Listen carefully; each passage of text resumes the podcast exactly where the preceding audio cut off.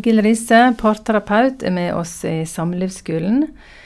Sist gang snakka vi litt om at det går ofte veldig lenge før par søker hjelp etter de har forstått at det, her er det noe å ta tak i, og litt grunner til det.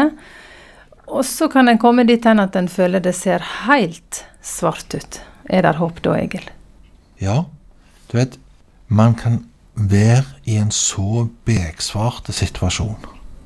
Man føler, når det er virkelig tildratt, så kan man føle at håpet ligger begravd i dype, bortgjemte huler bak fjerne, uoverstigelige fjell. Og man opplever at man har stangt hodet i veggen mm. i et håp om at det skal gå hull. Så mange ganger, og det er vondt i hodet. Og man tenker nei, det blir gjerne aldri hull her. Vi kommer gjerne ikke framover. Og så begynner man å tenke på alle de andre gangene man har hatt vondt i hodet. Så begynner man å tenke at nei, det har gjerne vart sånn. Det har egentlig vært spor av dette fra begynnelsen. Og så begynner man å tenke hvordan skal det gå, gå bra hvis det har vært spor fra begynnelsen. Jeg har vondt i hodet nå, har stanget hodet i veggen fem ganger. Mm. Og så tenker man Så rulles framtiden inn som en 17. mai-fløyte. Og når man mister perspektiv og tid, da er det bare én vei, og det er at dagene blir stupsvarte. Og man ser mørkt på det, blir fylt med håpløshet. Mm. Det er den tristeste måten jeg klarer å si det på akkurat nå. Mm. Ja. ja. Er det da håp? Det er ikke bra å ha det sånn. Og det er mye risiko med å ha det sånn, kan være. Men med tanke på om det er mulighet for å hjelpe noen, så er det sånn for parterapeuten at um, når folk er fortvila, så er det håp. Mm. Det er når det er helt flatt, at ingen er interessert i noe som helst forsøk. Det er da det er vanskelig. Mm. Så fortvilelse er forferdelig å være oppi når man elsker noen. Men det er muligheter til å få hjelp da. Fordi vi må forstå den pinen som love pain. Det er kjærlighetssmerte. Mm. Det kan jo se ut som man river hverandre i filler, men man må forstå det som at man elsker hverandre. Alle tjener på å se, prøve å se den positive beveggrunnen for det som skjer mellom folk, som uttrykk for kjærlighet i klem, smerte, pine. Mm. Akkurat det var jeg veldig godt fornøyd med, Anne Margrethe. Ja.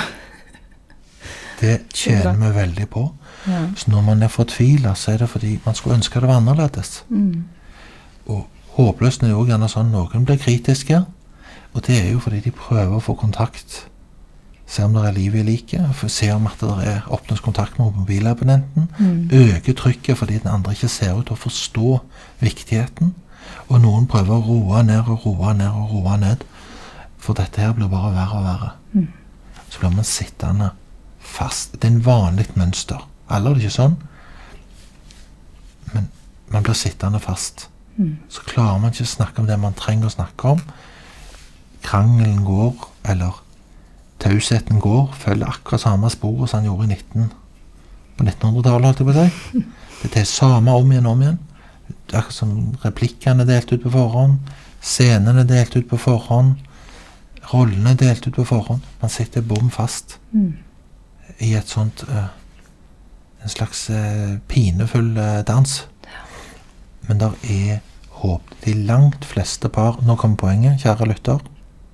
Dette, jeg skjønner at dette var tungt. Men de langt fleste kan få det bedre. Hva med de andre, da? Ja, jeg vet at noen tenker på det.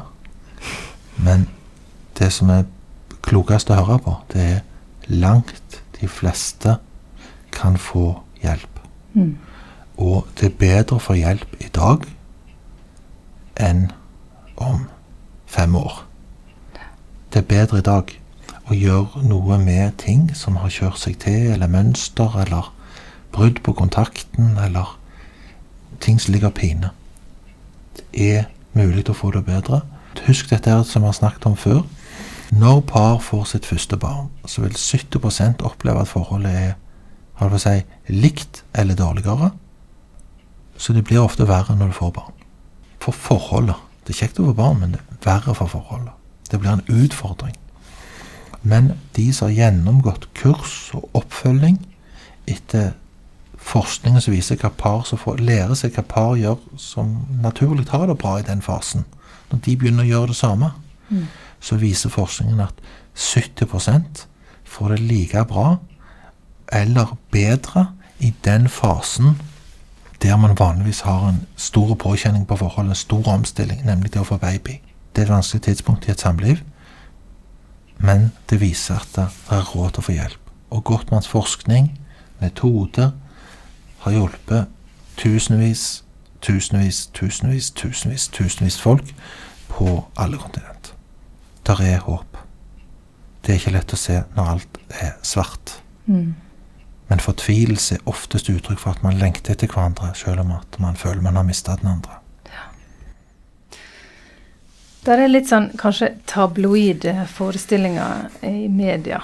At eh, du skal finne den rette som skal fylle alle mine behov og fylle alle mine rom. Så sitter du der og ikke føler at eh, ja, sånn er ikke det hos oss. Det er sikkert helt unormalt å ha det sånn som vi har det. Hvordan kan en vite hva som er normalt, liksom?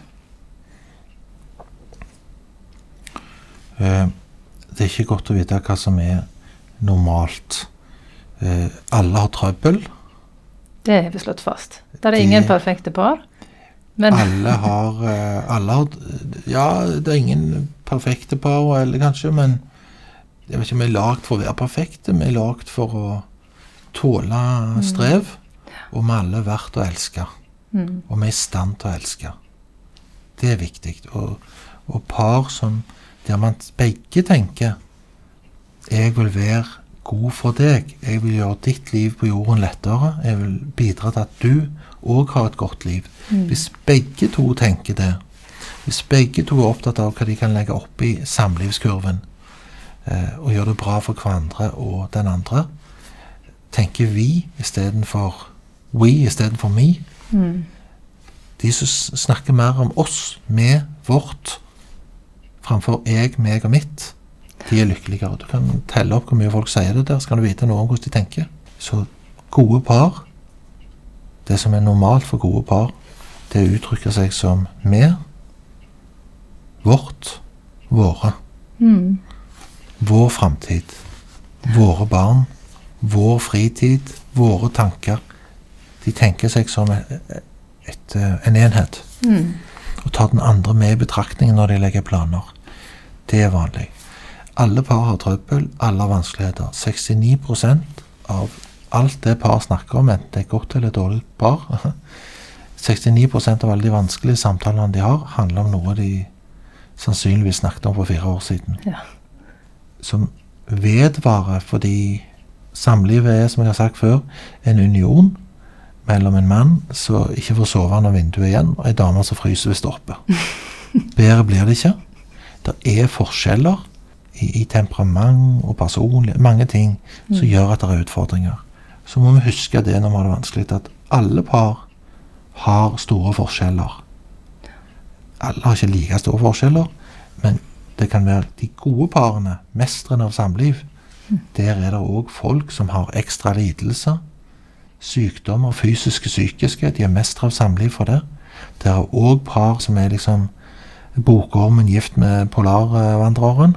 Det finnes store forskjeller. Det er utfordringer. Det diskuteres nok ofte, Mm. men de er gode par. Jipsi pipsi. Ja, jeg har ei kloke tante. Hun eh, har sagt annet Det handler ikke om å finne den rette, men det handler om å være den rette for den du har funnet. Hva heter hun, tante? Hun heter tante Meisa. Tante Meisa. Det var umåtelig klokt sagt. Jeg tror vi lar tante Meisa stå. Ja. Hvem kan jeg være for den andre?